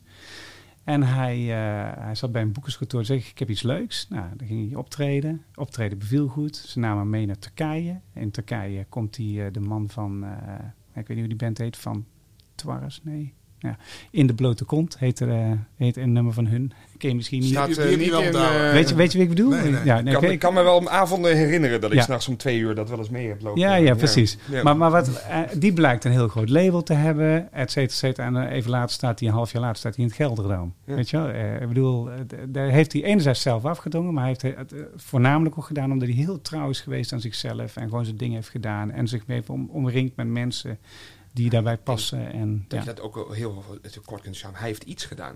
En dat is niet, niet, niet, niet... Weet je, er zijn ook heel veel mensen die doen niks. Ja. Ja, als je niks doet, is de kans ook wel redelijk groot dat er ook niks gebeurt. Ah, dat is zo, ja. Alleen als je iets doet, ja, dan mislukt ook genoeg. Alleen, je, je- weet je, dan komt er initiatief uit en je bent ergens mee bezig. En Ja. Dat, ja. Ik Ja. geloof ook niet dat dat geluk is. Want jij, zei, jij, jij zegt een paar keer in jouw verhaal, je zoekt het op. Ja. Dat is het, je zoekt het op. Ja, nieuwsgierigheid, ondernemen. Je gaat op pad, je gaat dingen doen. En dan zeggen andere mensen, ja, je hebt geluk. Maar dat is natuurlijk... Nou, vaak is geluk is ook. eh, sommige dingen zijn toevallig, maar geluk, ik denk dat geluk ook een. eh, eh, het constant focussen erop en zorgen dat het ontstaat, weet je wel. Precies. Maar goed, in de muziekindustrie zie je natuurlijk mensen die knijtergoed zijn en die nooit boven komen drijven. Weet je wel? Waar, waar je denkt, Gelukkig hoe is- kan geluk- dat? Hoe kan Gelukkig, dat? gelukkig is als je de staatsloterij bent. Ja, bijvoorbeeld, gelukkig is dat. En zelfs dan heb je iets gedaan, want dan heb je een lot Heb je- heb je ja, iets gedaan. heb je nog iets gedaan. Ja, misschien is dat ook wel de Ja. Conclusie. Dus, eh, dus, dus ik, ook in het ontwikkelen van je leiderschap, dus het eh, constant authentiek eh, stappen zetten en vooruit bewegen en leren en nieuwe challenges aangaan, et cetera, zorgt daar uiteindelijk voor dat je beweegt. Ik denk vooral bij leiderschap is authenticiteit is zo belangrijk. Ja. Ehm, want weet je, dit- dit- je, je kunt wel een keer iemand spelen of een rolletje spelen of wat dan ook. Alleen dat, dat, dat doe je dan de andere keer niet. En Ja. dan, dan vinden mensen je meteen inconsistent. Ja. Eh, want eh, mensen zijn echt op zoek naar consistentie in leiderschap. Het moet vooral elke dag hetzelfde zijn. Ja. Eh, want we, houden, we zijn gewoontedieren. Ja, en als je dan niet authentiek bent, dan prikken mensen zo doorheen. Ja. Kijk, ik, ik heb ook wel eens mijn eigen uitspraken en dingen. En ik kan ook wel eens dingen zeggen waarvan mensen zoiets hebben, joh, botterik, houd erop. Alleen ik ben wel consistent zo. Dus Ja. mensen weten ook wel gewoon, nou ja, als ik hem iets vraag, Zo is ja, die. ja, zo is die nou eenmaal. Ja, dat is absoluut waar. Hey, en wat is jouw story? Hoe ben jij eh, terechtgekomen waar je nu zit? Ja, er zitten eh, wederom veel overeenkomsten tussen onze verhalen. Want ik heb ook niet echt een carrièreplanning gedaan. Kijk, wat natuurlijk wel een hele bewuste keuze is, dat je op een gegeven moment manager wil worden. Omdat je het leuk vindt om met teams te werken, mensen te begeleiden, te coachen en, en uit te dagen. Dus de keuze om manager of professional te worden, dat is voor mij wel een, belangrijke keuze. En manager zijn is natuurlijk gewoon echt een vak. Wat je moet oefenen en leren en trainen. En eh, ik, ik link nog wel eens terug aan mijn eerste managementbanen. Dan denk ik nu met terugwerkende kracht, denk ik, oh ja, de arme mensen. Dat, want dan moet je ook leren. Dus ik Ja, heb daar natuurlijk leren. ook heel veel fouten gemaakt. eh, waarbij ik toen ik heel jong was, ik denk dat ik op 28 voor het eerst manager werd van een club mensen van misschien eh, 30, 40 man.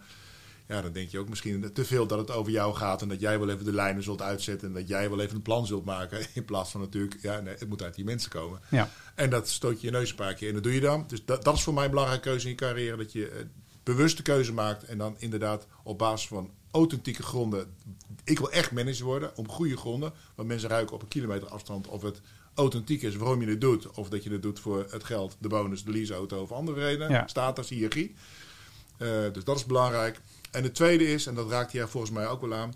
Kijk, ehm, als je het opzoekt, dan ontmoet je ook een aantal mensen in je carrière die jou vertrouwen om jou een baan te geven. Ja. Geven bedoel ik dan positief. ja, Ehm, en dat is vertrouwen is belangrijker, eh, is erg belangrijk. Want eh, ja, als je solliciteert of mensen vragen je voor een baan, zien zij een bepaald talent in jou en zien ze een match met een baan. ja, En er zit altijd iemand boven, eh, je baas, in ieder geval in, bij mij, bij, bij Facilicom Groep, een familie. die zien en die vertrouwen jou dat jij die baan kunt doen. ja, Dus het, het, het, het, het, het kennis, het, het, het- zulke mensen ontmoeten, is super belangrijk. ja. Ja, en daar, daarvoor heb ik nooit een netwerken gedaan. Want ik heb gewoon eh, mijn werk gedaan. Die mensen ontmoet je dus ook vanzelf. Ja, dat is ook waar. Ja. En uiteindelijk is dat ook een doelactiviteit, toch? Nou ja, mensen ontmoeten is, denk ik eh, een van de hoofddoelen in het leven. Want Ja. Je leeft niet alleen, je leeft met andere mensen. Dus men- mensen ontmoeten is, is Nou, ze hebben wel eens, eh Carl Jung zei altijd van, eh, er zijn drie dingen die, die mensen aan het einde van hun leven zeggen. En ik had Bob Hutt had ik in de, van de Verspeelfabriek hier in de podcast. Die zei van, wat ik tegenwoordig doe is de toekomst naar het nu halen. Dus de dromen die mensen hebben en de, de mens die ze willen zijn en met wie ze dat willen zijn, die halen we van 85 naar nu. Dus je kan niet alles weten, maar... En Carl Jung die zei van, eh, het leven draait maar om drie dingen. Dat is, eh, ben je geweest wie je wilde zijn? Ben je authentiek jezelf geweest? En heb je gedaan wat je wilde doen en het verschil gemaakt in je talent laten zien? En eh, heb je voldoende lief gehad en gehouden van? En voor de rest eh, is er niks belangrijk. Precies. Nou, ik denk dat, eh, dat het best wel aardig klopt. Nou, dat klopt. Voor mij is het eh, manager zijn. Voor mij is het goede mensen ontmoeten. En volgens mij is het ook gewoon lol en plezier en fun en passie in je, in je, in je werk hebben. Want mensen willen natuurlijk uiteindelijk toch een leider zien die plezier en lol kan brengen. Want werken moet leuk zijn. Werken Ja. moet, moet je jezelf ontwikkelen. Eh, en mijn levensmotto, zowel privé als zakelijk, is eh, dat je meer kunt doen dan je denkt. Eh, dus het is ook wel, ook op mijn werk is het mijn doel om mensen te laten ervaren. En ook het bedrijf te laten ervaren. Dat er veel meer in zit dan ogenschijnlijk eh, op de mat wordt gelegd. Absoluut waar. En dat opzoeken, het veel beter doen met z'n allen, dat is de lol natuurlijk van doelen stellen en ze behalen en daar energie van krijgen. Ja, absoluut waar. Geloof ik ook. En jij? Ja. Vooral ook eh, die doelen stellen. En eh, het liefst zo'n doel stellen waarvan je denkt van ja, waarvan ik zelf als denk, dat dit is wel heel ambitieus. Precies. Van, eh, weet je, ook toen wij begonnen aan die klus in Nederland met mijn managementteam, toen hadden we een paar doelen opgesteld en een paar dachten we zelf ook van nou, dit is wel echt even gebral vanuit de toren. Maar goed, je moet ergens beginnen. Eh, ambitie daar. Nou ja, daar waren doelen voor 2025 die hebben we een jaar geleden gehaald. En dan kijk je dus achteraf naar jezelf en zeg oké, dit vond ik dus toen heel ambitieus. En, en twee jaar later, tweeënhalf jaar later was het er al. Ehm, ja, was Ja. het dan zo ambitieus? Ja, Eh, maar ja, dat is natuurlijk ook met plannen. Ja, Akda en de Munnik hebben er ook wel eens wat over gezongen. Er gebeurt toch altijd wat anders. En, eh, maar een, een strategie is wel, is wel helder. En, en met name ook als je dan die plannen haalt. En dan denk je van ja, maar er zit elke keer wel meer in. Maar dat is ook met, met- met- weet je, een van de gekste dingen vind ik nog altijd, en dat zeg ik ook heel vaak ook in, in, in meetings met mensen, is van, eh, dan, dan, mensen kunnen privé kunnen ze alles. Eh, Hypotheken afsluiten, kinderen maken, hele gezinnen, hele families zie je Hele voetbal, eh teamscoach. eh, voetbalbestuurder zijn. En dan komen ze op het werk. En dan, eh, dan gaan wij vervolgens allemaal regeltjes en, en procedures en dingen. Want dan gaan we ze eigenlijk behandelen alsof ze dat privé niet kunnen. ja, Terwijl als je heel veel van die dingen weghaalt en zegt van joh, als je dat privé kunt, kun je het zakelijk ook. Eh, doe het maar lekker. En, en, en hier zijn de kaders, maar daarbinnen doe alsjeblieft gewoon wat nodig is en wat je zelf goed dunkt. Dat vinden mensen in het begin waanzinnig eng. Alleen dan zie je eigenlijk dat er in, in elk mens zit zoveel leuks. Ja. Zoveel creativiteit. Dan moet je alleen maar gewoon eh, een beetje achter staan en aanjagen. ja, ja, leiderschap is, is toch ook vooral ruimte geven. Ja. En, en, en, en met z'n allen het gemeenschappelijke doel eh, afspreken. Ja. ja. Eh, En natuurlijk moet je wel een beetje in het speelveld blijven. Maar die ruimte die je mensen geeft, ja, dan gebeuren er altijd mooie dingen. En het Ja. vooral ook met het knars op je tanden soms accepteren dat het anders gaat als je wil. Of Ja. dat anders dat, als dat jij het zou doen. Ja. Eh, Ja. Dan zie je mensen het wel doen. denk je van ja, nou, oké, het eindresultaat is, is wat we wouden. Ik had het zelf anders gedaan. Maar ja, als je jonger bent inderdaad, dan wil je het zelf, eh, ga je vanuit CC regelen. Laat mij maar even. Ja, geef maar hier. Terwijl je nu denkt van ja, goed, ik zou het zelf anders doen. Maar veel plezier. ja. Het gaat Nou, het, is, het is ook heel erg interessant eh, dat, dat eh, als je met andere mensen gaat samenwerken. En hiervoor zat Camille eh, ehm, van Schouten Nelissen, die zei van. Die had veel in China gewoond. En eh, die had geleerd van eh, doe, eh, faal, leer en stuur bij. Weet je een beetje dat, dat idee. Hij zegt, en de- hij zei, dat gun ik ook meer mensen. Maar je komt er eigenlijk toe als je een probleem hebt en je zit bijvoorbeeld met alleen maar mensen uit de packagingwereld. Dan is dat het kader waarvanuit de bubbel waarvanuit mensen denken. Terwijl als je er een ballerina en iemand van de kunstacademie en iemand eh, uit de muziek en iemand uit corporate Nederland en iemand uit de gemeente zou bijzetten en over hetzelfde probleem zou laten nazen, krijg je in één keer tien perspectieven die compleet verschillend zijn, waar je heel veel van kan leren. En dat, eh, dat in, hij zegt dat in beweging zetten en daar, daarop impact maken. Hij zegt, daar geloof ik in in het leven. Daar, moet, daar, daar zit het hem in. Dat samen doen, zeg maar. En dat liefste variëren. Niet het zelf weten, zeg maar. Ja.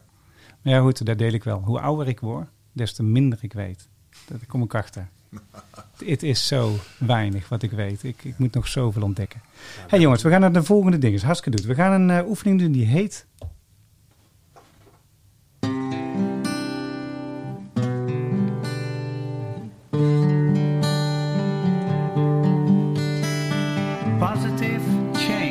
Positive Change.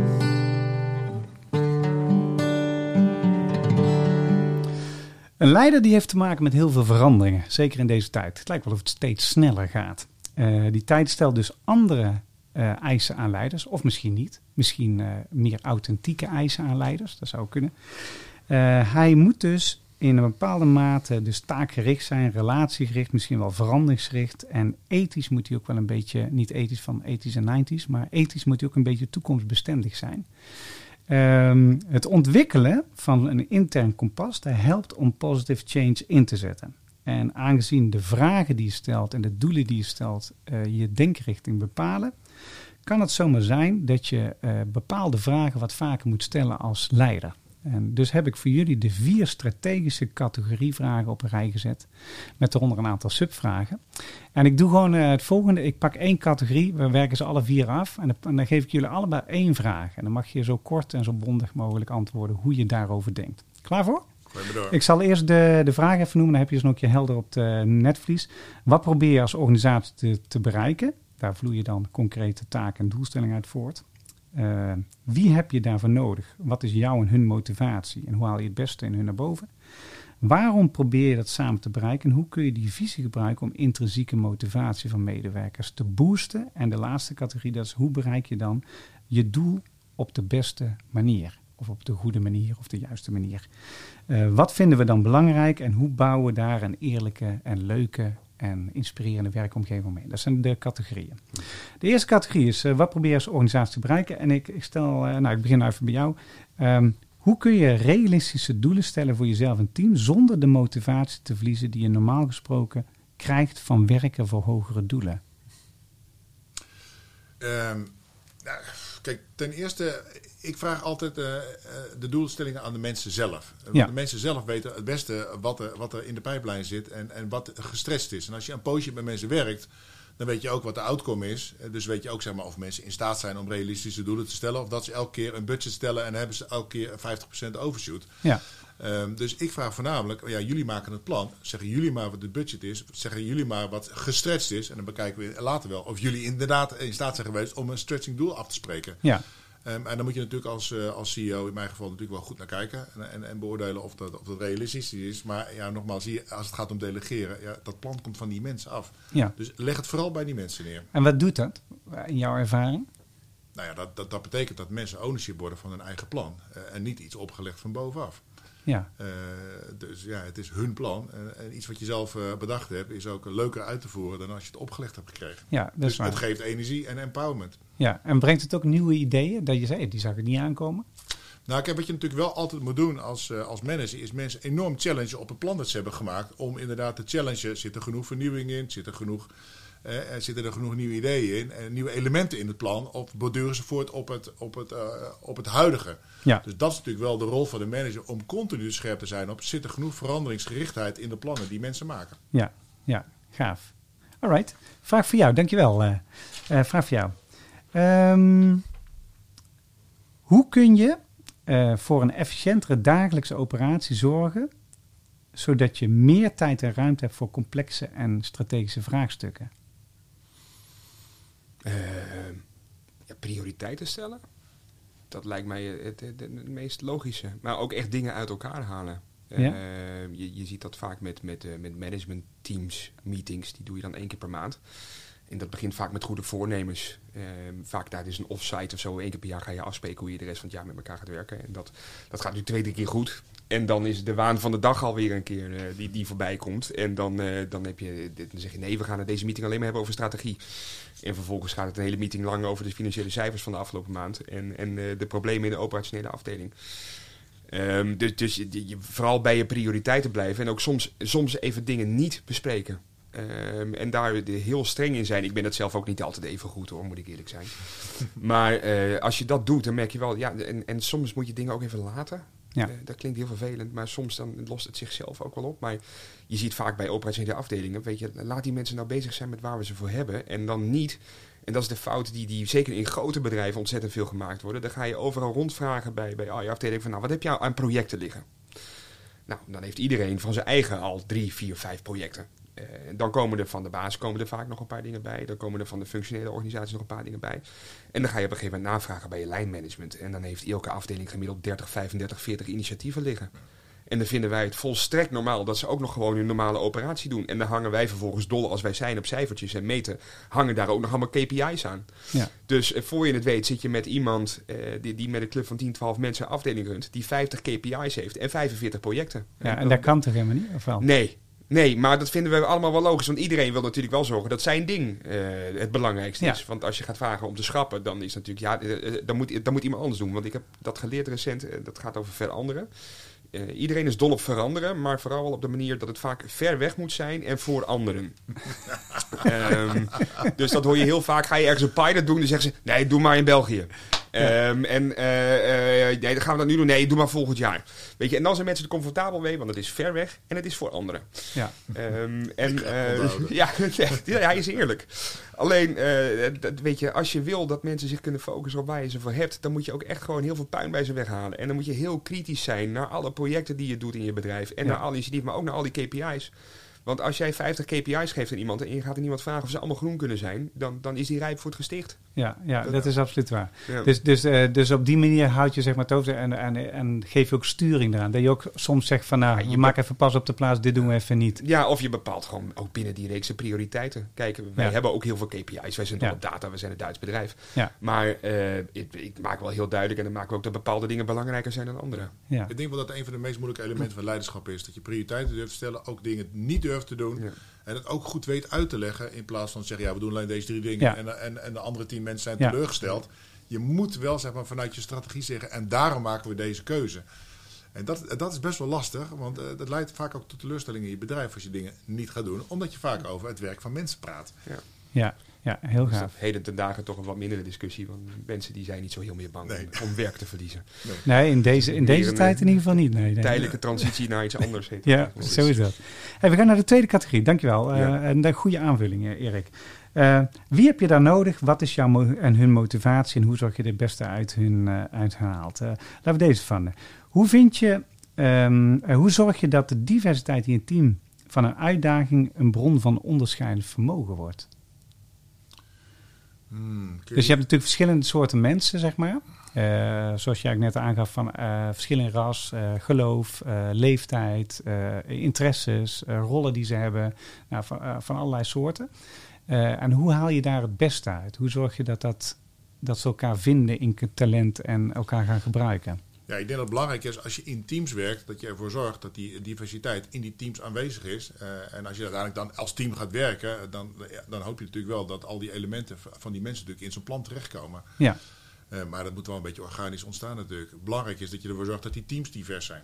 ja, Dat is de meest belangrijke keuze die je dan te maken hebt. ja. En eh, eh, hebben, ze, hebben ze daar binnen Facilicon ook een manier voor om, om te zorgen dat die eh, diversiteit in teams goed vertegenwoordigd Nou, is? kijk- of, of, of gaat dat organisch? Of Nou, kijk, wij zijn sowieso, ten eerste zijn we een heel divers bedrijf. We hebben 90 nationaliteiten, eh, dus we zijn al een heel divers bedrijf. Ja. Eh, dus dat, dat, daar hoeven we niet eh, veel, veel moeite voor te doen. Dat is trouwens ook een overeenkomst, hè? Ja. He- Ja. heeft hij ook. Ja. Maar wa- wat, wat wel een hele grote uitdaging is, is als je heel divers bent, hoef je toch nog niet inclusief te zijn. En dat betekent dat Ja. in de complete piramide van het hele bedrijf je natuurlijk diverse mensen wilt hebben. En bij ons zijn heel vaak uitvoerende mensen, de operationele mensen, heel divers. De schoonmakers, de beveiligers, de mensen die in de catering staan. Maar als je dan naar boven kruipt en managementlagen door, wordt het al een stuk minder divers. En, en Ja. daar ga ik echt proberen als nieuwe CEO een verdere slag in te slaan. Het is een groot, eh, een belangrijk onderwerp voor, voor ons.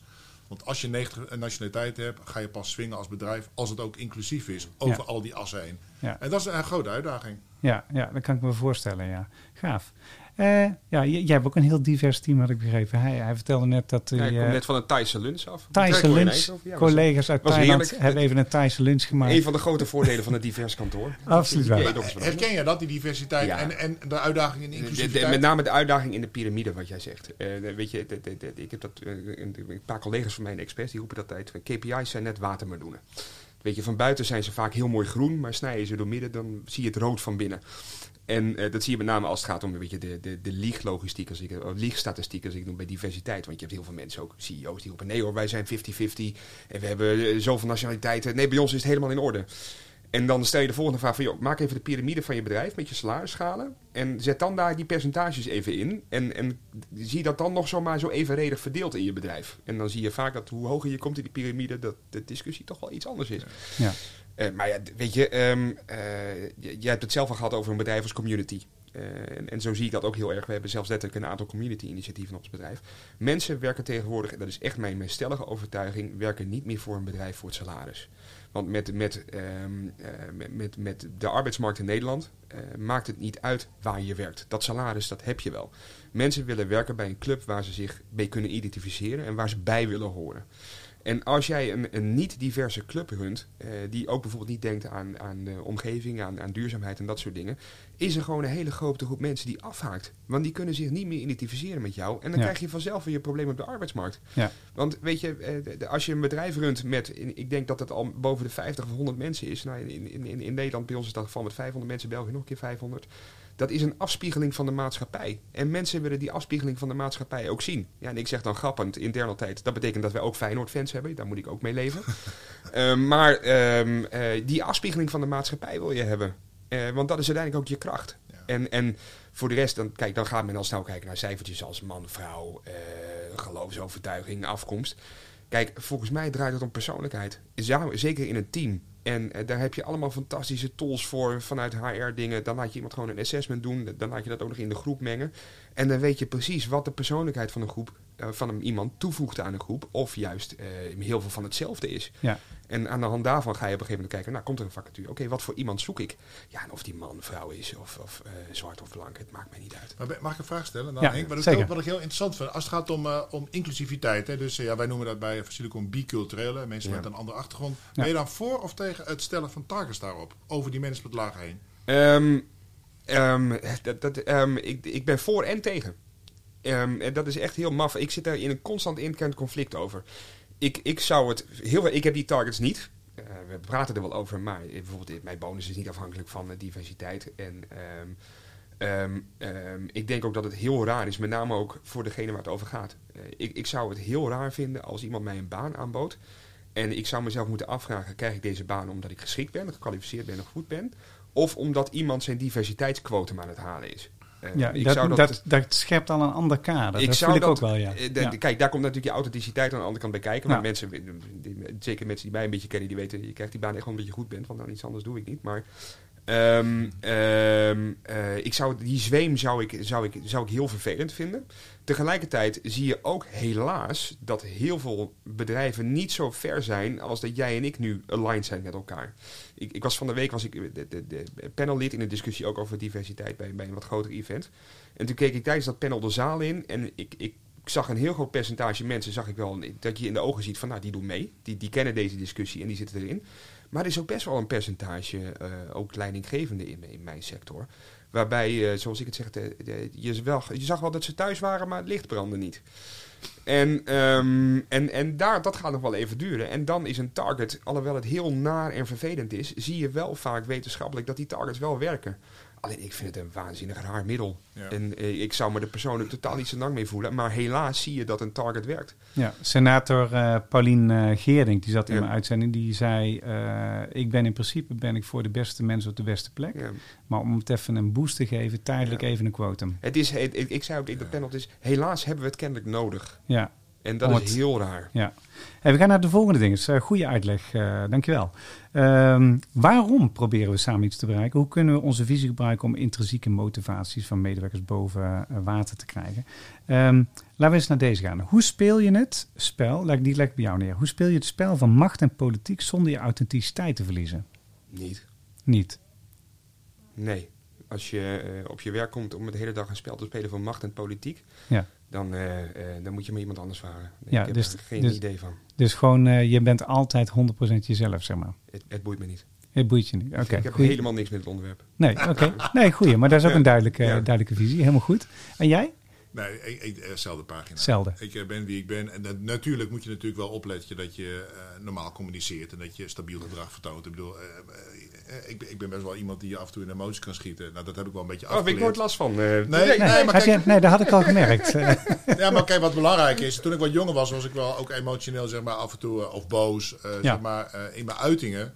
Maar als je wat ouder wordt, eh, kijk, effectief gedrag vertonen is ook belangrijk. Eh, en stabiel gedrag voor je mensen. Dus ik heb natuurlijk wel af en toe geleerd, ook als ik in emoties schiet, dan bij de karton er was af. Maar probeer ik dat wel te vertalen naar wat nou een effectieve reactie in dit geval.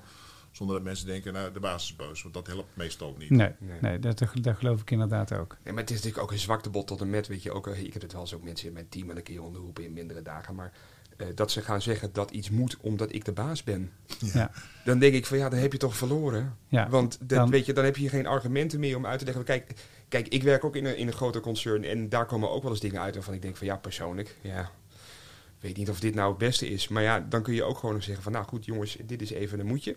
En Ja. dat is nou maar even wat het is. Maar we gaan het wel doen, want we zijn gewoon brave schoolleerlingen.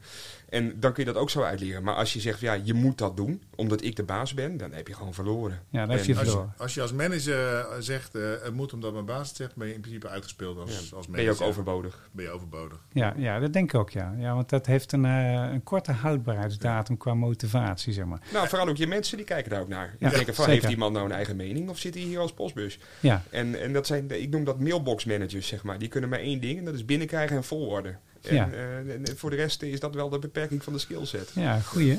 Nou, we hebben, we hebben iets eh, samengevat. Want dus eh één categorie, daar krijgen we al een beetje ander. dan hoe navigeer je tussen tegenstrijdige belangen zonder inconsistent te worden. Gewoon authentiek jezelf zijn en gewoon je ding doen, mensen erbij betrekken. Ja, maar die belangen die zijn natuurlijk bij design vaak tegenstrijdig. Ja. Dat, dat- wij doen het ook vaak zelf, hè. Ja, Eh, in een bedrijf zijn heel vaak mensen met verschillende missies op pad. En die worden met die verschillende missies op pad gestuurd door ons. Want Ja. wij zeggen tegen onze businessleiders van je moet ondernemend zijn. En dan sturen we volgens een compliance afdeling erachteraan die ze allemaal gaan beperken. Ja. Ehm, en, en dat is trouwens ook logisch. Alleen je ziet zo dat iedereen toch ook bezig is met zijn eigen missie in een bedrijf. En is Ja. jou te zorgen dat als er conflicten zijn, dat jij daar ergens een beslissing over neemt.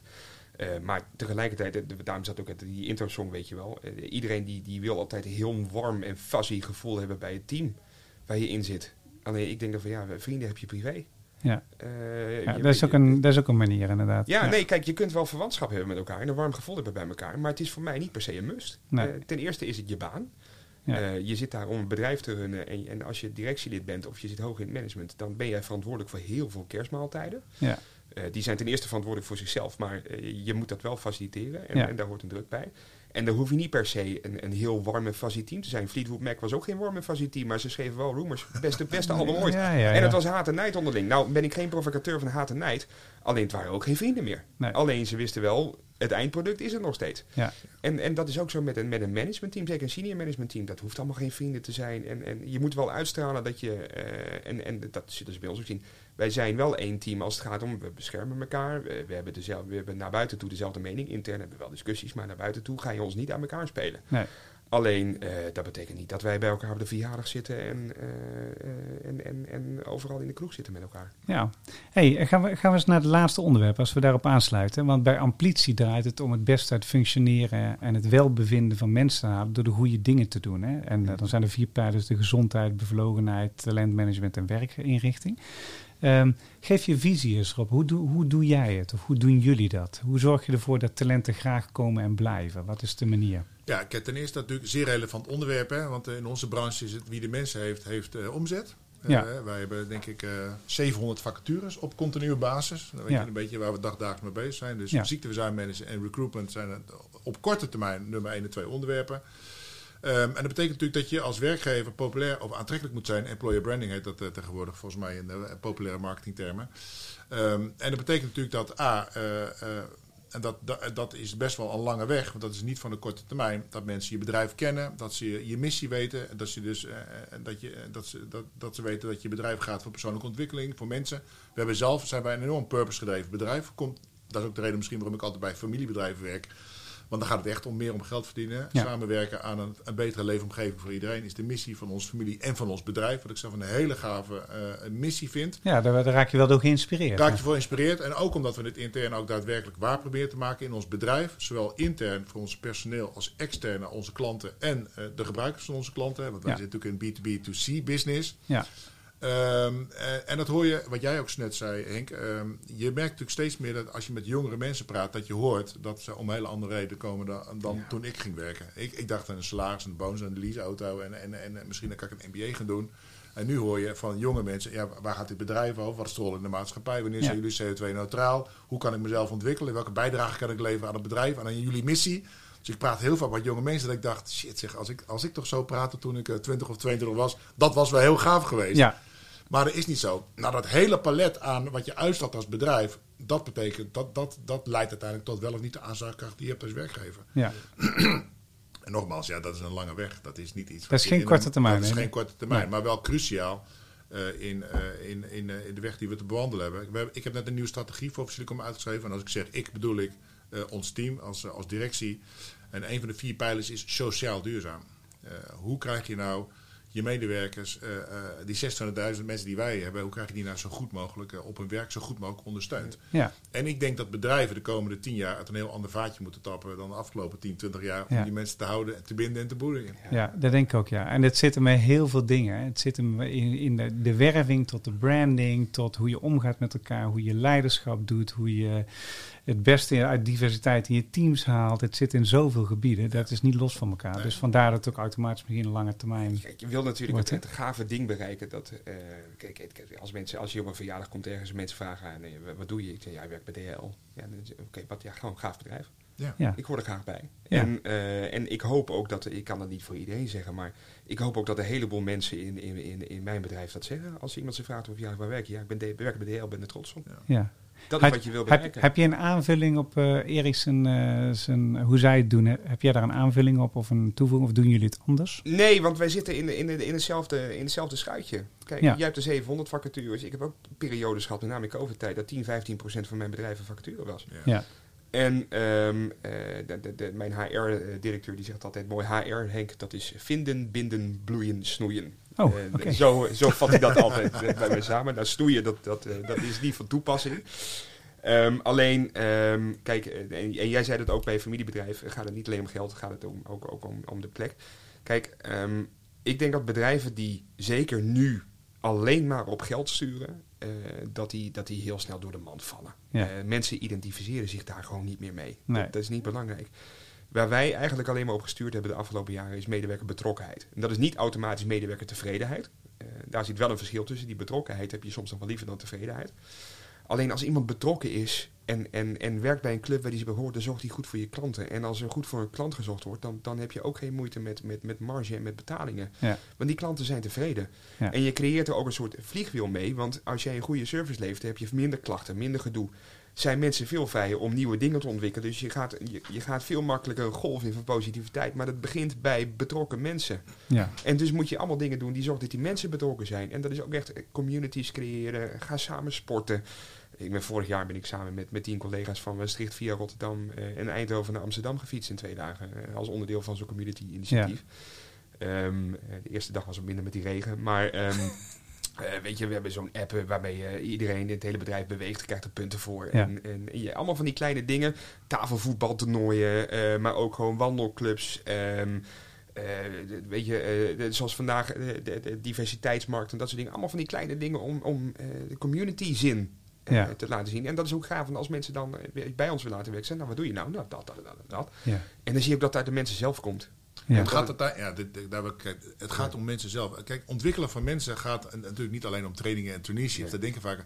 Ontwikkelen van mensen gaat over het geven van ruimte en autonomie om je eigen ding te doen. Medewerkers zijn geen kinderen. Ze kunnen echt uitstekend voor zichzelf zorgen. En wat jij zei, wat ze privé kunnen, moeten ze ook op hun werk laten zien. Of dat hoop je dan. Het gaat om, geef die mensen ruimte. Ja. Eh, en niet een palet aan regels en, eh, en dat de baas denkt dat hij het speelveld helemaal eh, kent. Dat is niet zo. Ja. Nee, want gek genoeg lopen wij zelf alle twee, als je dat zo ook al gelijk niet uit. Wij moeten geen, geen baas boven ons hebben die elke dag aan ons vraagt wat we aan het doen zijn. Nee. nee. Want, dat eh, zit ook in jullie gemeenschappelijke... Dat vinden wij niks. Dat Nee. kan ik nu wel zeggen, want dan word ik Ja. gek. En Ja, dan gek denk- genoeg, willen wij dat dan wel heel graag dan soms bij je medewerkers. Wat ben je aan het Ja. doen, wat ben je aan het doen? Ja, nee. Ja. En wat wil je zelf dan?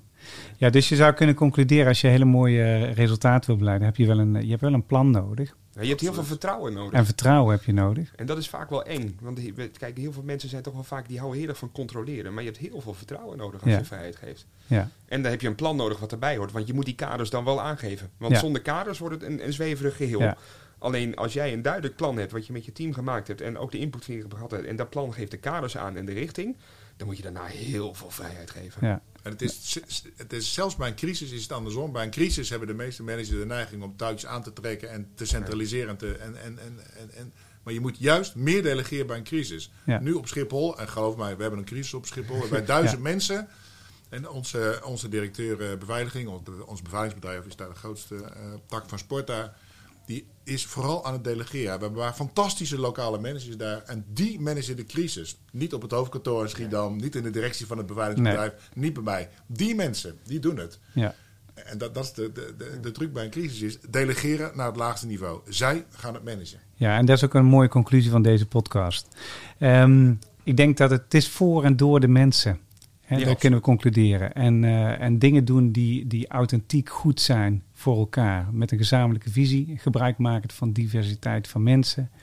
En eh, dat op zo'n mooi mogelijke manier doen waarbij mensen zoveel mogelijk betrokken blijven. Dat is denk ik de, de nutshell van deze En neem jezelf vooral niet al te serieus. En neem jezelf vooral niet al te serieus. Ik vind dat een mooie aanvulling.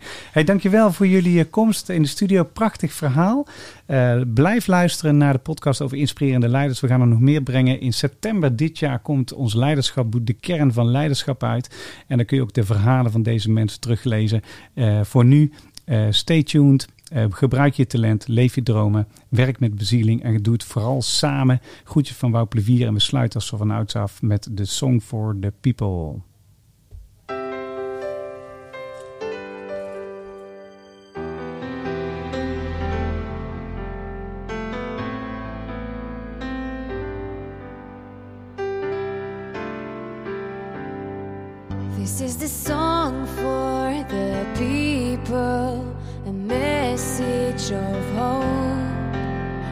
Open up your eyes, look to the sky, the sun will shine on us. Every night I watch the moon and the changing tide. How did this turn